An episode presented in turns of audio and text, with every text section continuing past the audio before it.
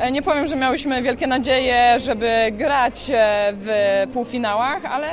no, prawda jest taka, że po to się gra, żeby jak najwyżej iść, więc wiadomo, że chciałyśmy to wygrywać, a zespół z Gorzowa jest, można powiedzieć, drużyną kompletną na każdej pozycji, ma mocne zawodniczki, więc wiedziałyśmy, że nie będzie to łatwe i po cichu liczyłyśmy może na chociaż małą niespodziankę, ale no, szkoda, szkoda, że to już koniec.